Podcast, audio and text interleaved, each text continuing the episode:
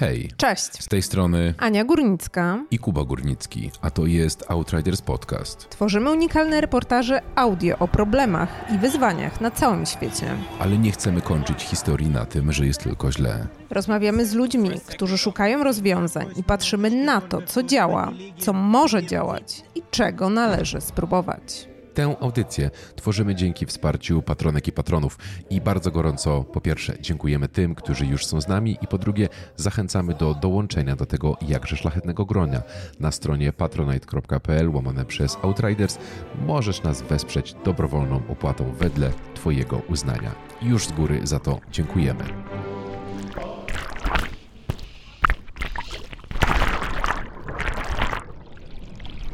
Odcinek, którego za chwilę wysłuchasz, to reportaż specjalny Outriders. Materiał poświęcony Odrze, który przygotowywaliśmy przez ostatnie kilka miesięcy prawie całym zespołem. Dźwięki, które słyszysz, to odgłosy podwodnej Odry na wszystkich jej odcinkach. Tak brzmi rzeka. Informacje na temat śniętych ryb w Odrze zaczęły pojawiać się w mediach pod koniec lipca 2022 roku, ale na poszczególnych odcinkach rzeki martwe ryby były wyławiane już ponad dwa tygodnie wcześniej.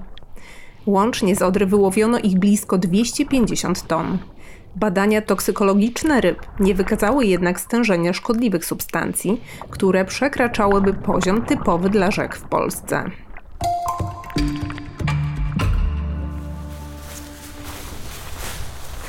Że to tutaj?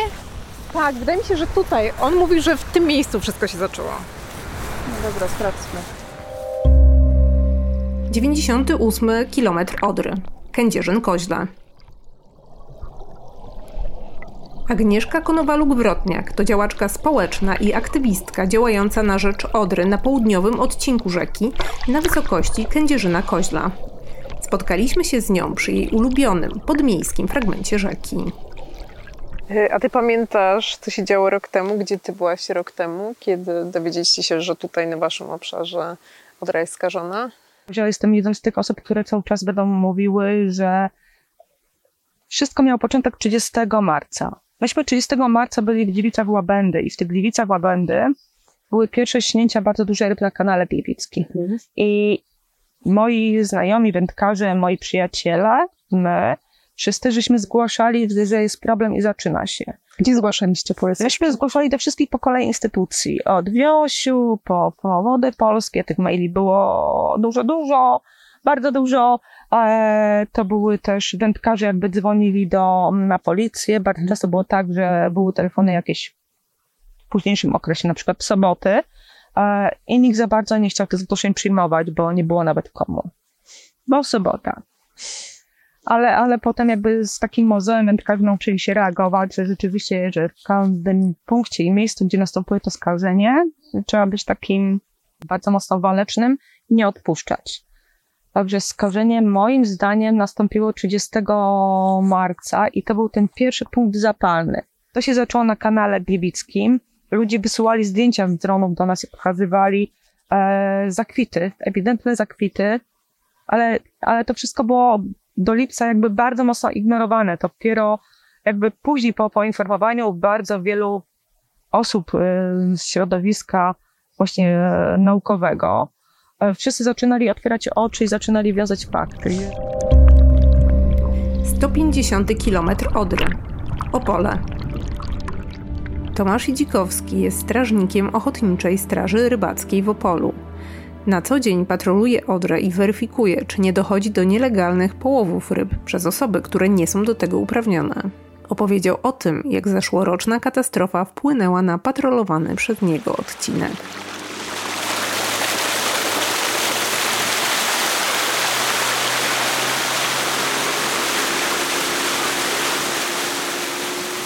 Dzień dobry, Społeczna Straż Rybacka. Prosimy o uprawnienia.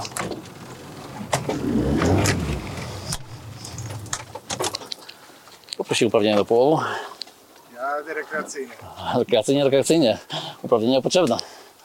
Miał pan przed chwilą wędkę w rękach. Tak, ale to dopiero ją pożyczyłem i Ej, no tak na serio.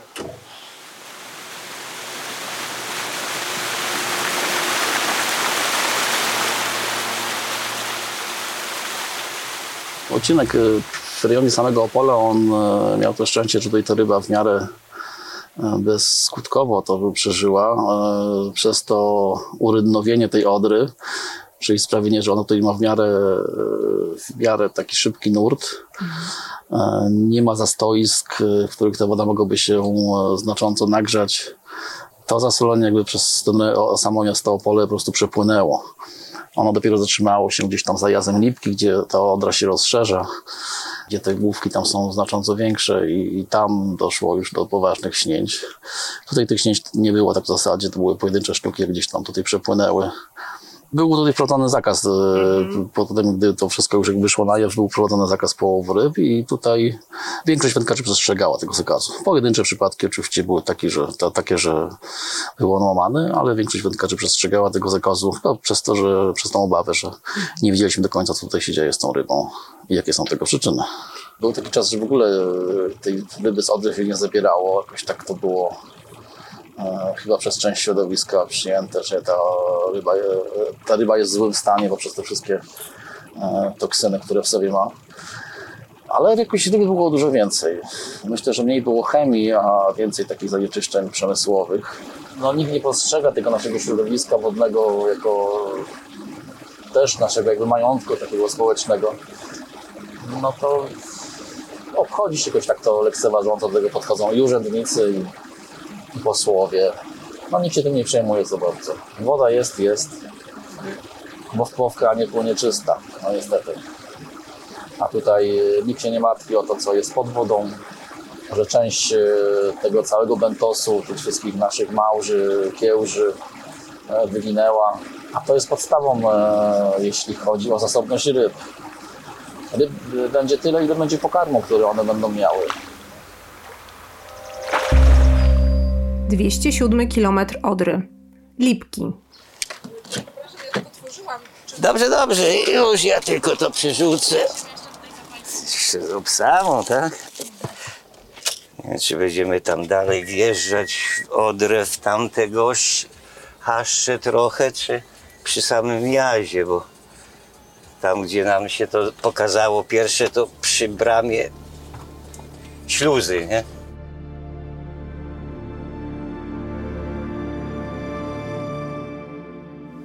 Człowiek był młody, mały, to przecież to były nasze tereny tutaj, jak to się mówi, tutaj teraz są już pola uprawne, kiedyś były łąki, gospodarstwa były, każdy krowy miał, pasło się, to myśmy tu nad Odrą, no, można powiedzieć, codziennie wychowali się. No, ale to już... To były naprawdę piękne lata. To myśmy się w Odrze kąpali, to przecież woda była czysta. To nawet, jeszcze jak raki były w Odrze, no to już... No, za łebka to już nawet Mówiąc, wodę żeśmy pili z Odry. No. Przez chusteczkę. I, no ale to... Zdzisław Uryga jest sołtysem wsi Lipki. Przy pobliskim jazie jego współpracownicy poinformowali go o niecodziennej sytuacji w rzece. U nas to było już dokładnie 7 lipca. Okej, no właśnie. 7 lipca zaczęły się poka- pokazywać te śnięte ryby.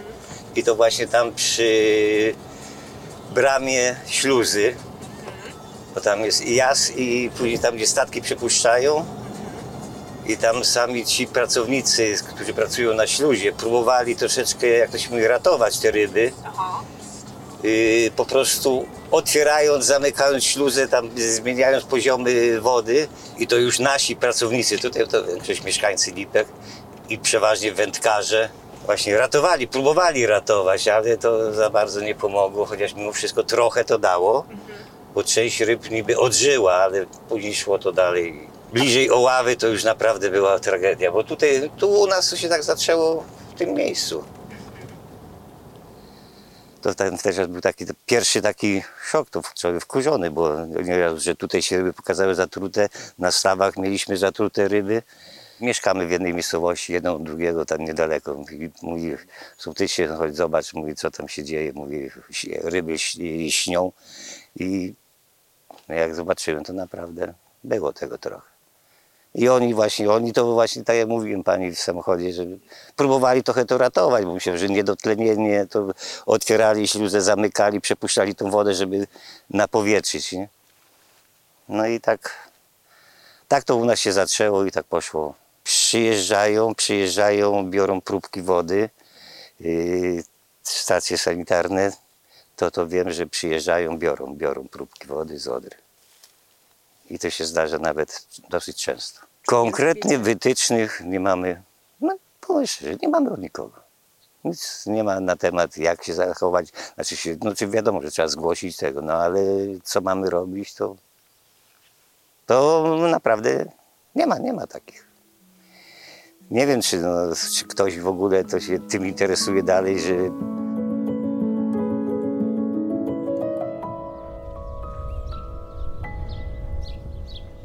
Wiadomości o setkach martwych ryb i małży zaczęły pojawiać się pod koniec lipca 2022 roku w mediach.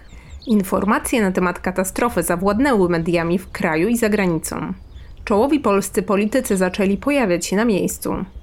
O Odrze mówiło się nieustannie. 41 kilometr Odry, kanał Gliwicki. Odra to druga pod względem długości rzeka w Polsce, która ma 854 km, z czego 742 km znajdują się na terenie Polski. Źródło Odry położone jest we wschodnich Czechach, w górach odrzańskich, w Sudetach. W związku z tym, że całe jej koryto jest uregulowane, Odra jest najdłuższą śródlądową drogą wodną w Polsce. Na krótkim odcinku jest rzeką graniczną między Polską a Czechami. Stanowi również granicę między Polską a Niemcami przez niewiele ponad 160 km. Powierzchnia dorzecza Odry, czyli obszar, z którego do rzeki spływają wszelkie jej dopływy, stanowi blisko 1 trzecią powierzchni kraju. Do Odry regularnie od lat, według Inspekcji Ochrony Środowiska, spływają metale ciężkie, a jej klasa czystości na różnych odcinkach należała już wcześniej do najniższych spośród pięciostopniowej skali. Jak tłumaczy dr Agnieszka Szlauer-Łukaszewska, biolożka z Uniwersytetu Szczecińskiego, to, co zapoczątkowało proces, to były słone wody na południu kraju w związku z tym, że był y, katastrofalnie niski poziom wody w Odrze, te wody nie zostały rozcieńczone. I dlatego zaczęły się rozwijać y, te złote algi, albo wręcz y, w zbiornikach ze słonymi wodami, które są przy zakładach wydobywczych, te algi się namnożyły i trafiły do Odry ale one później y, dalej rozwijały się w Odrze, bo y, stężenie soli było tak wysokie i były tak wysokie temperatury, że algi się rozwijały. Równolegle do pracy w Polsce rozmawialiśmy także z ekspertami po niemieckiej stronie rzeki. W trakcie samej katastrofy komunikacja między polskimi a niemieckimi służbami pozostawiała wiele do życzenia. Rozbieżne wyniki badań i różne komunikaty do mediów potęgowały rozdźwięk i utrudniały zrozumienie, co dokładnie wydarzyło się w rzece. Cześć, nazywam się Sasha Mayer i jestem specjalistą do spraw polityki wodnej w niemieckiej organizacji Friends of the Earth. To była naprawdę trudna sytuacja. Przede wszystkim trwał okres wakacyjny. Zdałem sobie sprawę, że wiele odpowiednich ku temu władz nie jest w stanie szybko uporać się z tym problemem. Na początku tak naprawdę nie wiedzieliśmy, w jaki sposób ryby zostały zatrute i czy nie znajduje się w nich rtęć. Czasami wzdłuż rzeki składowano martwe ryby. To bardzo śmierdziało, a ludzie naprawdę nie wiedzieli, jak sobie poradzić z całą sytuacją. Widzieli, jak Odra umiera i jedyne, co mogli zrobić, to zbierać ryby. Martwe ryby.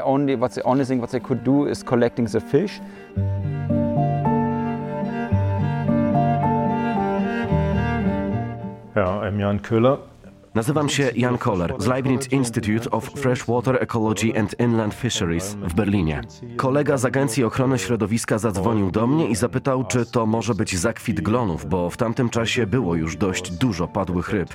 A pracownicy Agencji Ochrony Środowiska tutaj w Niemczech i w Polsce przeanalizowali wiele próbek, szukając metali ciężkich, zwłaszcza rtęci, pestycydów itd. Tak I nikt z nich nie miał pojęcia, że to mogą być algi. Kolega z tej Agencji Ochrony Środowiska środowiska. Zapytał mnie, czy to mogą być algi. Automatyczne stacje monitorujące tutaj, w części niemieckiej, wykazały drastyczne zmiany zawartości tlenu i pH w wodzie. To nie mogło być spowodowane przez żadne ścieki lub coś w tym rodzaju. Przyczyną musiała być aktywność glonów, ponieważ wytwarzają one tlen w ciągu dnia i spożywają go w nocy. Nigdy wcześniej tego nie widzieliśmy, ponieważ jest to alga, która zwykle żyje w oceanie lub co najwyżej w wodach przybrzeżnych i nigdy nie występowała tutaj, w naszych słodkich wodach. Ale jest dość znana z produkcji toksyn, które zabijają ryby. Uh.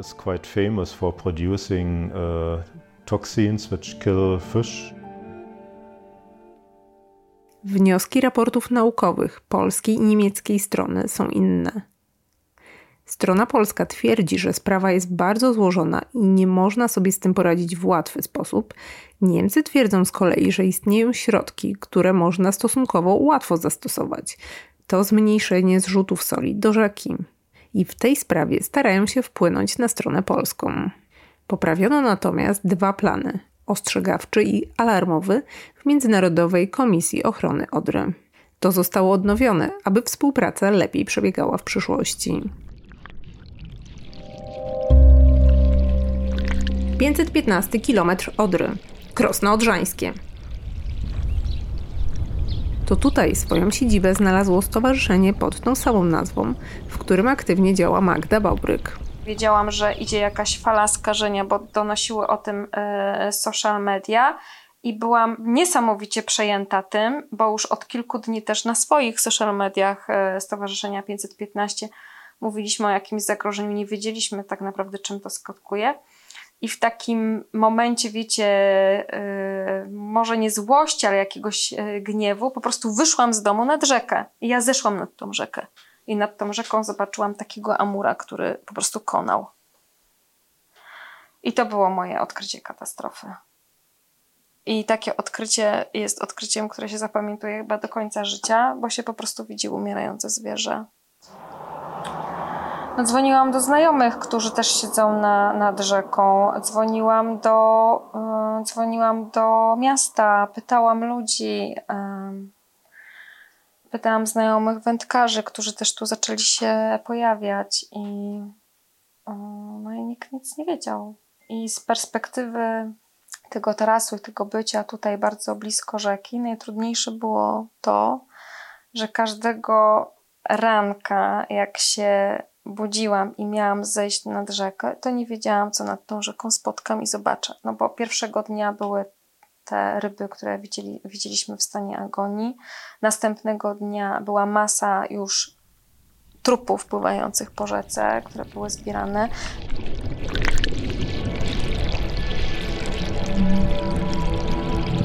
Marek Cybula, burmistrz Krosna Odrzańskiego, był jedną z osób, które zaangażowały się w ratowanie rzeki, gdy pierwsza fala dotarła do miasta.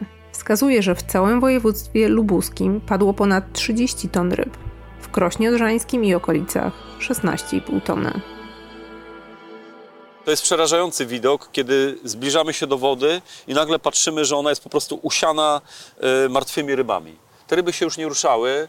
E, część z nich jeszcze próbowała walczyć o życie. Miała skrzela czerwone popalone. Na początku z wędkarzami odławialiśmy te ryby prosto z wody. Ale wy sami? E, czy... Tak, nie no ja sam zbierałem te, te ryby, tak? Ja potem już miałem obrzydzenie do ryb, bo one i teraz zobaczcie Państwo, co się wydarzyło.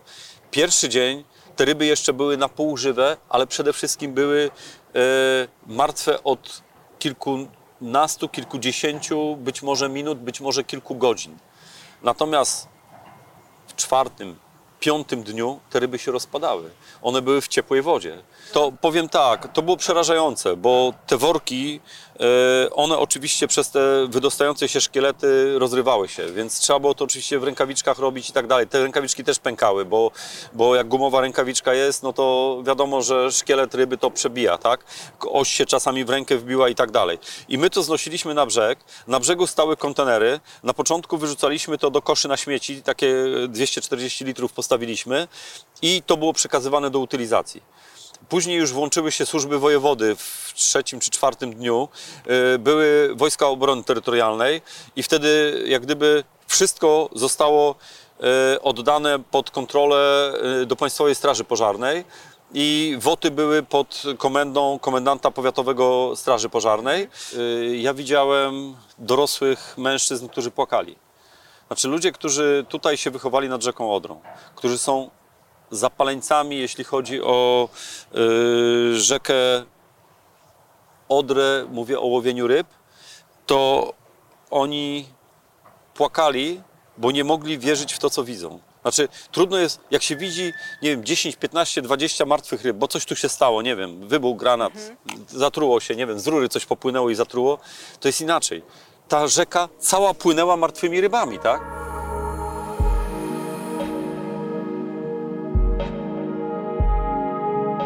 Jacek Engel to ekolog, który od blisko 40 lat zajmuje się rzekami. Wyjaśnia, jakie straty ponosi rzeka w związku z katastrofą. Prócz śmierci setek ton ryb, dotknęło to też małże.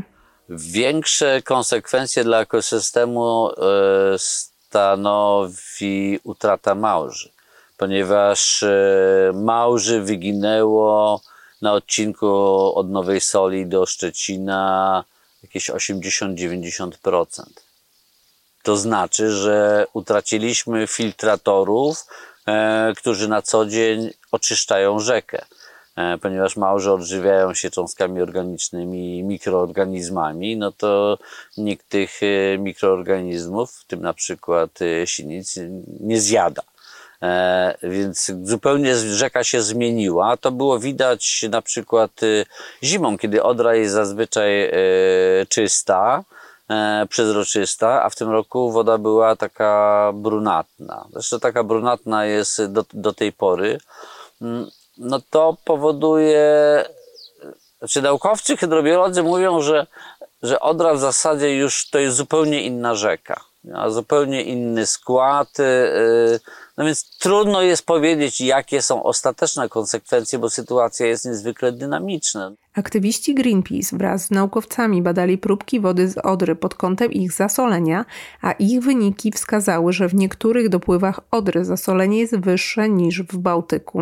Wysoka zawartość soli w Odrze stanowiła pożywkę dla tzw. złotych alg. Według Greenpeace pierwotną przyczyną ubiegłorocznej katastrofy jest działalność spółek górniczych na Górnym Śląsku, a także spuszczanie przez nie stężonych roztworów soli z kopalni węgla kamiennego do dopływów Odry.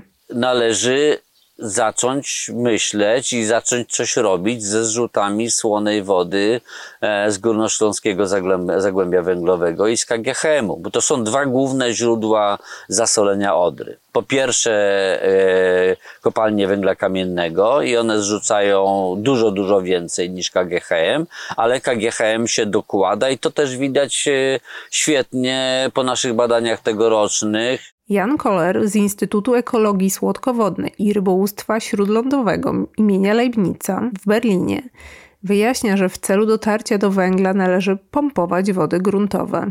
Inaczej nie da się prowadzić działalności kopalni, a te należą do wód bardzo słonych. Jedną z możliwych opcji teoretycznie jest zbudowanie ogromnego rurociągu i przepompowywanie wszystkiego do oceanu. Jednak taniej jest pompować wszystko do najbliższej rzeki. Wtedy rzeka robi się słona. In the Oder we do have uh, W Odrze mamy wysokie stężenie zarówno soli, jak i składników odżywczych. Znacznie, znacznie wyższe niż w warunkach naturalnych. To po prostu dzieło człowieka. A dodatkowo, przynajmniej w środkowej i górnej części Odry mamy wiele spiętrzeń, które wydłużają czas zatrzymania wody w jednym miejscu. and Sasha Mayer z organizacji Friends of the Earth Germany tłumaczy, że głównym problemem dotyczącym Odry jest to, że zlewnia rzeki obejmuje w 80% Polskę, w 10% Czechy i w 10% Niemcy. Ponadto przez Niemcy przepływa tylko środkowa i dolna Odra, która niesie już mnóstwo zrzutów. Before the Odra came to Germany, Zanim Odra dotrze do Niemiec, płynie przez czeskie i polskie regiony przemysłowe. Jest tam duże wydobycie węgla i dużo zrzutów ścieków do rzeki. Widzimy więc, że kiedy rzeka dociera do Niemiec, jest już bardzo zasolona. Oczywiście wzdłuż granicy niemieckiej znajduje się kilka firm, które zrzucają ścieki do Odry. Jest huta Eisenhüttenstadt, jest fabryka papierów Szwed, Jednak niektóre zrzuty spływają do kanału zewnętrznego lub są tak małe, że nie powinny powodować zakwitu glonów.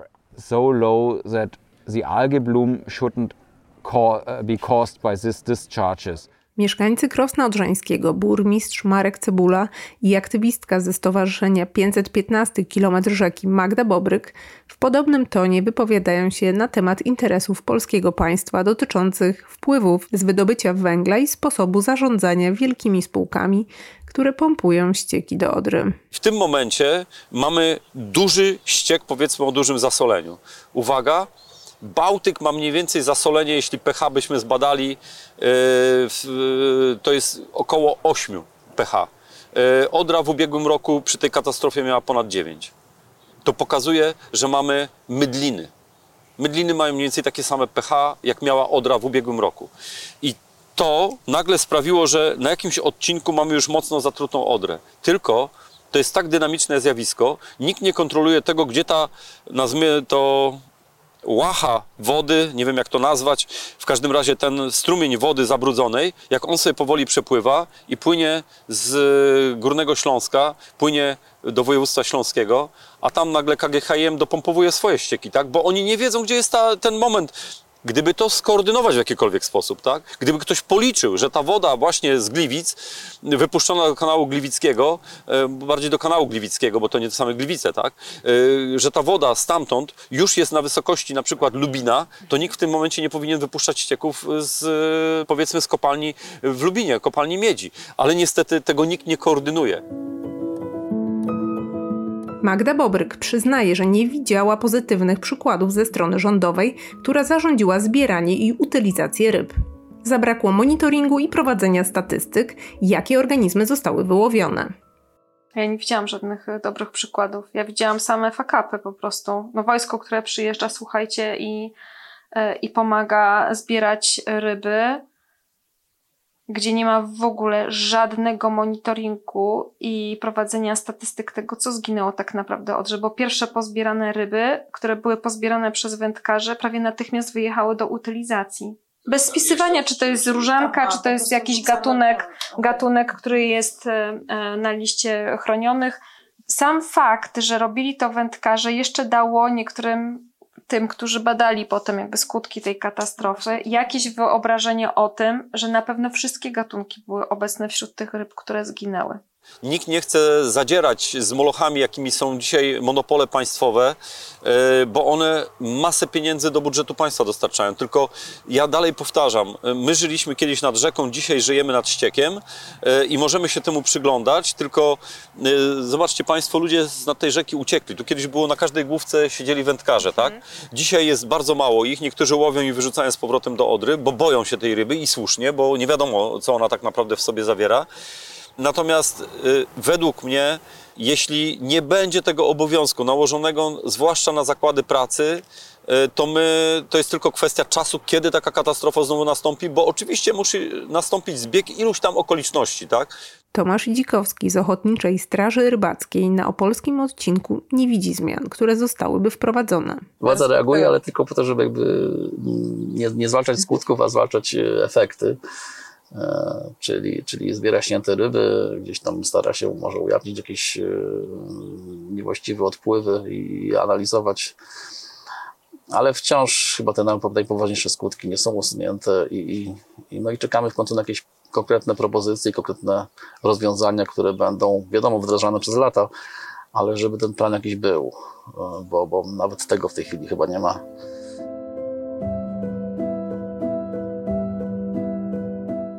Szczecin. Odra na północy kraju spływa do Roztoki Odrzańskiej, części Zalewu Szczecińskiego. W Szczecinie rozmawialiśmy z dr Agnieszką Szlauer-Łukaszewską, biolożką z tamtejszego uniwersytetu, która specjalizuje się w badaniach nad bioróżnorodnością. Opowiedziała, jak wygląda katastrofa z jej perspektywy.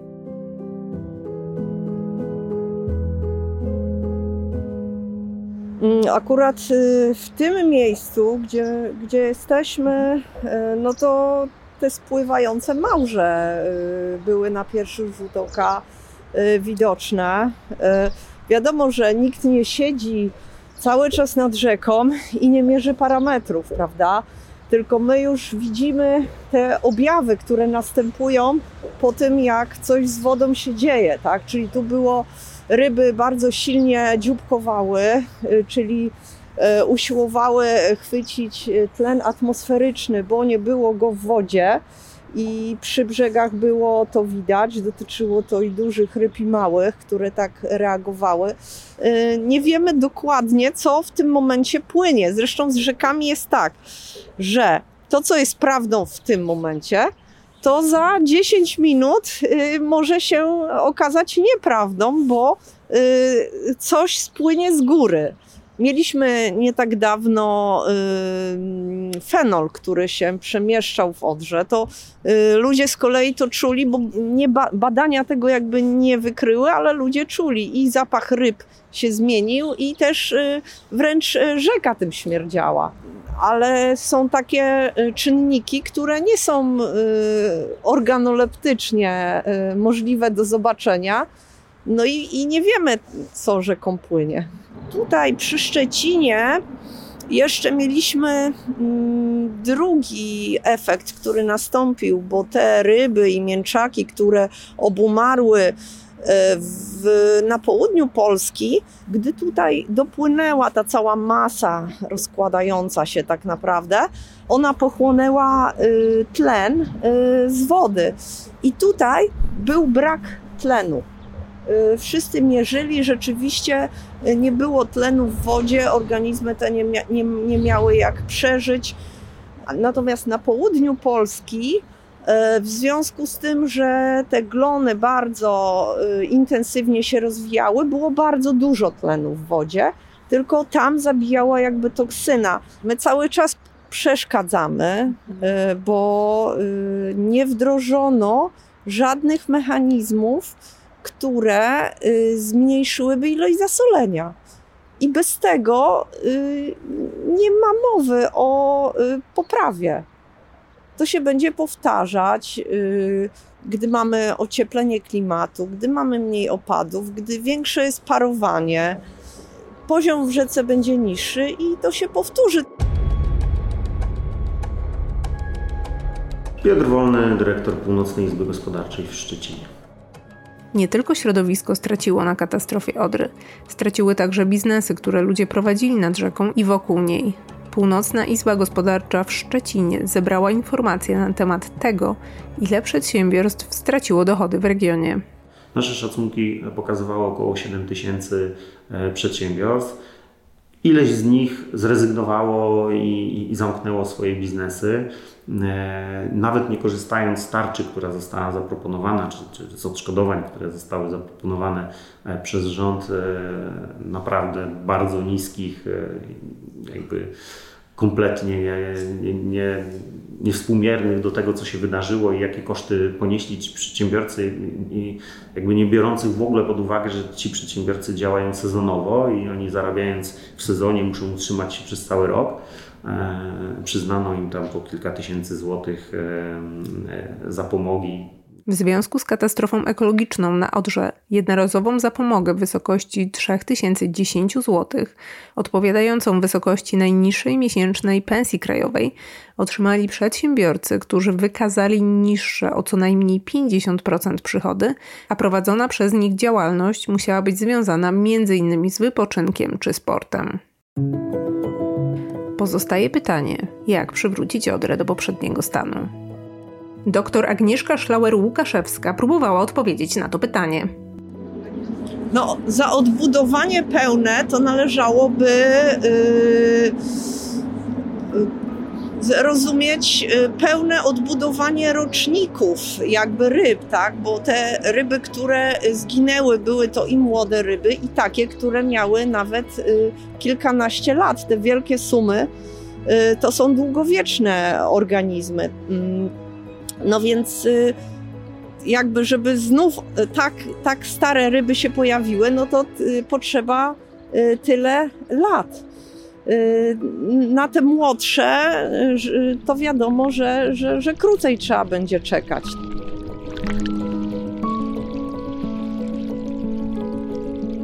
To, co możemy podejmować, to tworzenie w dolinie rzecznej i w dopływach odpowiednich warunków do tego, żeby te ryby miały się gdzie chronić w razie katastrofy na Odrze.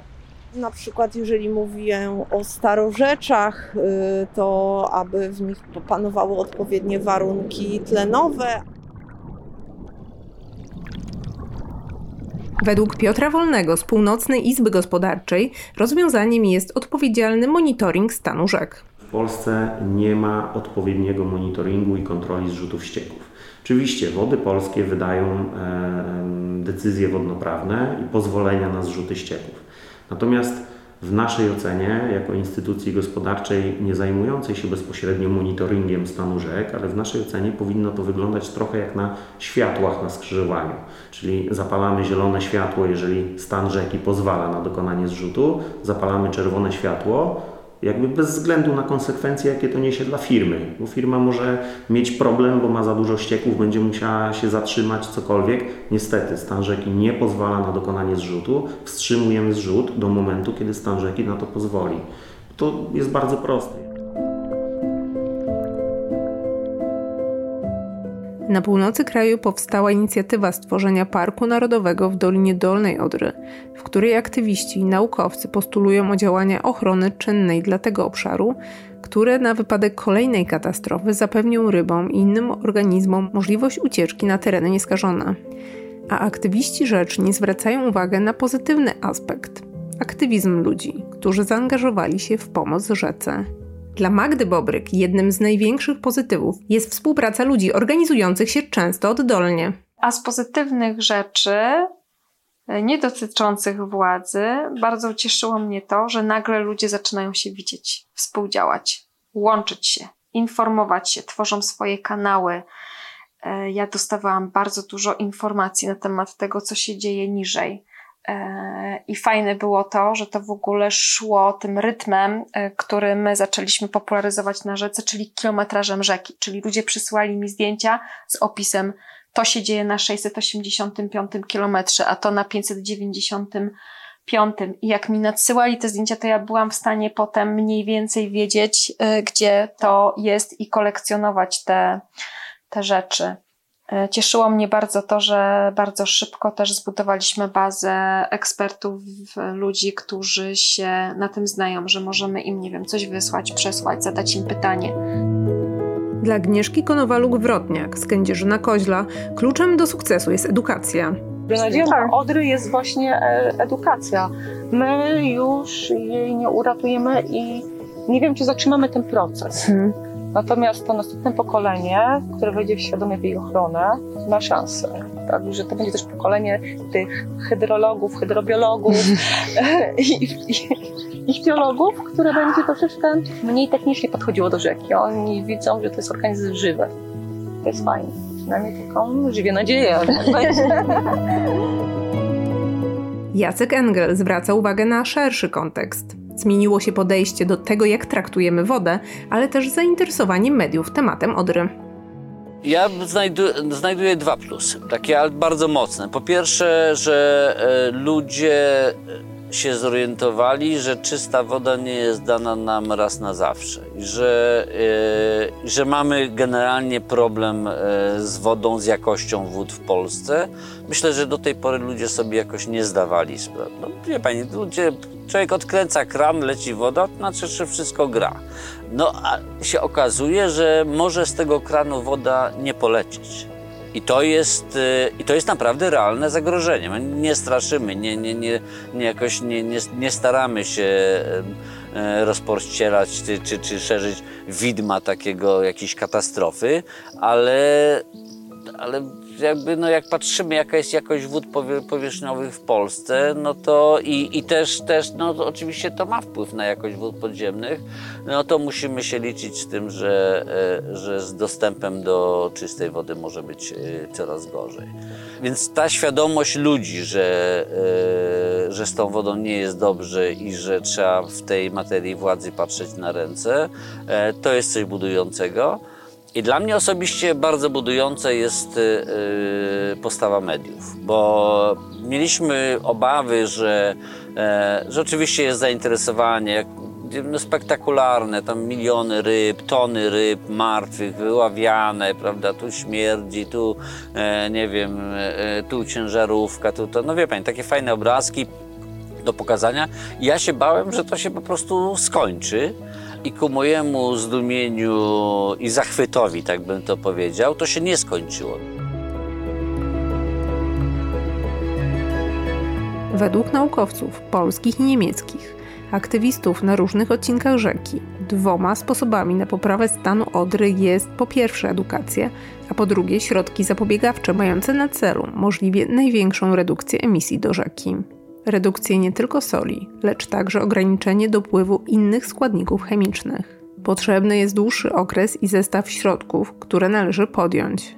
Biorąc pod uwagę, że oczyszczanie wody ze ścieków może zająć kilka lat, to w nadchodzących latach należy uważnie badać, co się dzieje w rzece.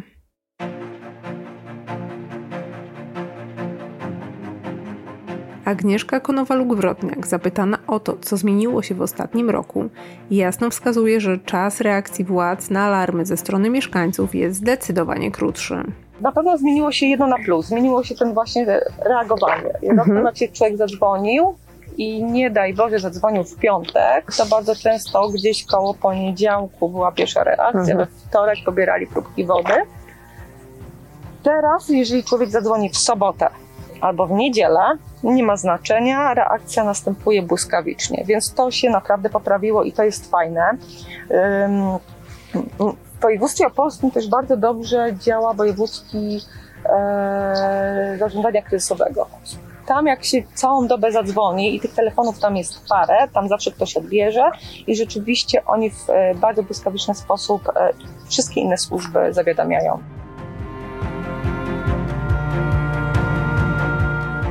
Niewiele ponad rok od katastrofy na Odrze spółki węglowe dotowane z budżetu państwa, które w dużym stopniu przyczyniły się do katastrofy, wciąż wydobywają węgiel. Zdymisjonowani zostali główny inspektor ochrony środowiska oraz prezes wód polskich odpowiedzialny za zagospodarowanie wód w kraju. Prezydent Andrzej Duda podpisał także tzw. Tak specustawę odrzańską, nad którą pracował parlament. Specustawa pozwoli na dalszą regulację rzeki, której sprzeciwiają się organizacje ekologiczne. Powołuje także wodną policję. Projekt powstawał bez konsultacji społecznych i zaangażowania niezależnych ekspertów pomimo wcześniejszych deklaracji współpracy między krajami. Polska i Niemcy przygotowały dwa oddzielne raporty dotyczące przyczyn katastrofy. Według rządowego raportu po stronie polskiej śnięcie ryb w Odrze było zjawiskiem cyklicznym i występowało na różnych odcinkach rzeki. Do samej katastrofy przyczyniły się zeszłoroczna susza hydrologiczna. Zostały też przekroczone normy zasolenia i prawdopodobnie działanie toksyn zawartych w tzw. Tak złotych algach. Według strony niemieckiej najbardziej prawdopodobną przyczyną tego był nagły wzrost zawartości soli, ale ze względu na brak dostępnych informacji, eksperci musieli pozostawić otwartą odpowiedź na pytanie, co było przyczyną nienaturalnie wysokiego zasolenia. Poinformowało w komunikacie prasowym niemieckie Ministerstwo Środowiska. Niemieccy naukowcy zapytani o to, kto mógł przyczynić się do tej katastrofy, nie mają wątpliwości że osób odpowiedzialnych należy szukać pośród władz państw członkowskich. Główna odpowiedzialność leży moim zdaniem po stronie władz państw członkowskich. I tak, oczywiście, dotyczy to Polski, bo wykwit alg rozpoczął się w Polsce i wiemy od polskich stowarzyszeń rybackich i wędkarskich, że wysyłały one próbki ryb do władz, ale prawdopodobnie władze nie zareagowały. A potem mieliśmy ogromny zakwit glonów i ponownie pojawiła się reakcja ze strony wędkarzy. Gdy wszystko to dotarło do Niemiec, zareagowały władze niemieckie. Ale wygląda na to, że władze w Polsce tak naprawdę nie wykazały zainteresowania śledzeniem tej sprawy.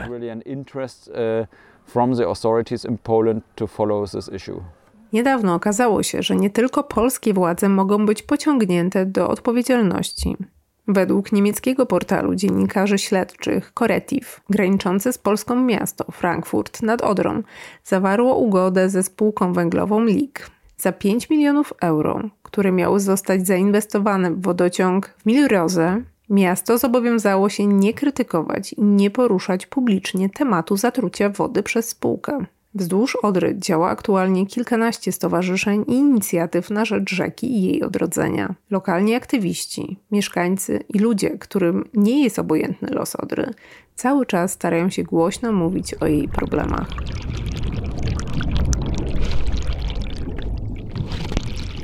Ten projekt jest współfinansowany ze stypendium dziennikarskiego Fundacji Współpracy Polsko-Niemieckiej.